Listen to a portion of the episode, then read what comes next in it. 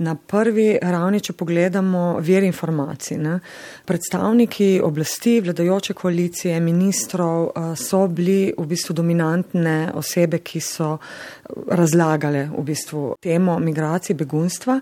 In se je pogosto dogajalo, da mediji nekako so postavljali, bi rekla, lahko mikrofone ne, in je umankala, bi rekla, doskrat neka kritična analiza povedanega ne, in na tej točki lahko rečemo, da lahko govorimo o nekem politično-medijskem paralelizmu, ne, skratka o neki zlitosti medijskega diskurza z uh, političnim diskurzom. Ne.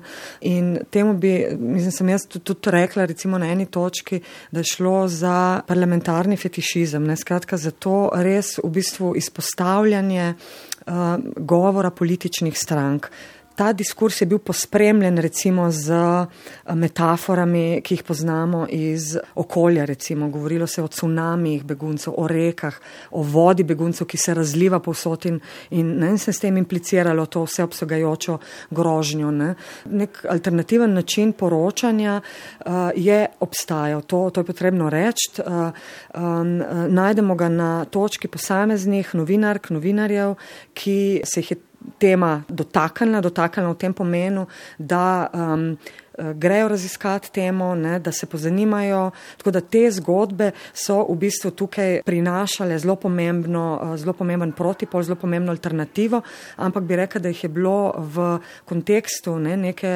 celotne, če reče, medijske krajine, so bile te zgodbe marginalizirane. Ne. To, to v bistvu sporoča, bi rekla, um, uh, na točki medijev, ne, da izgubljajo, bi rekel, to neko kritično noto oziroma se marginalizira v bistvu sploh poslanstvo medijev, ki je v spodbujanju racionalne razprave, v spodbujanju debate, ne, v spodbujanju uh, razumevanja um, problemov, družbenih problemov, uh, ne pa rokohitrskega, uh, ne rokohitrskega poročanja in ponujanja uh, hitrih rešitev, ki privedejo v končni fazi recimo do legitimizacije žice in tako naprej. Ne.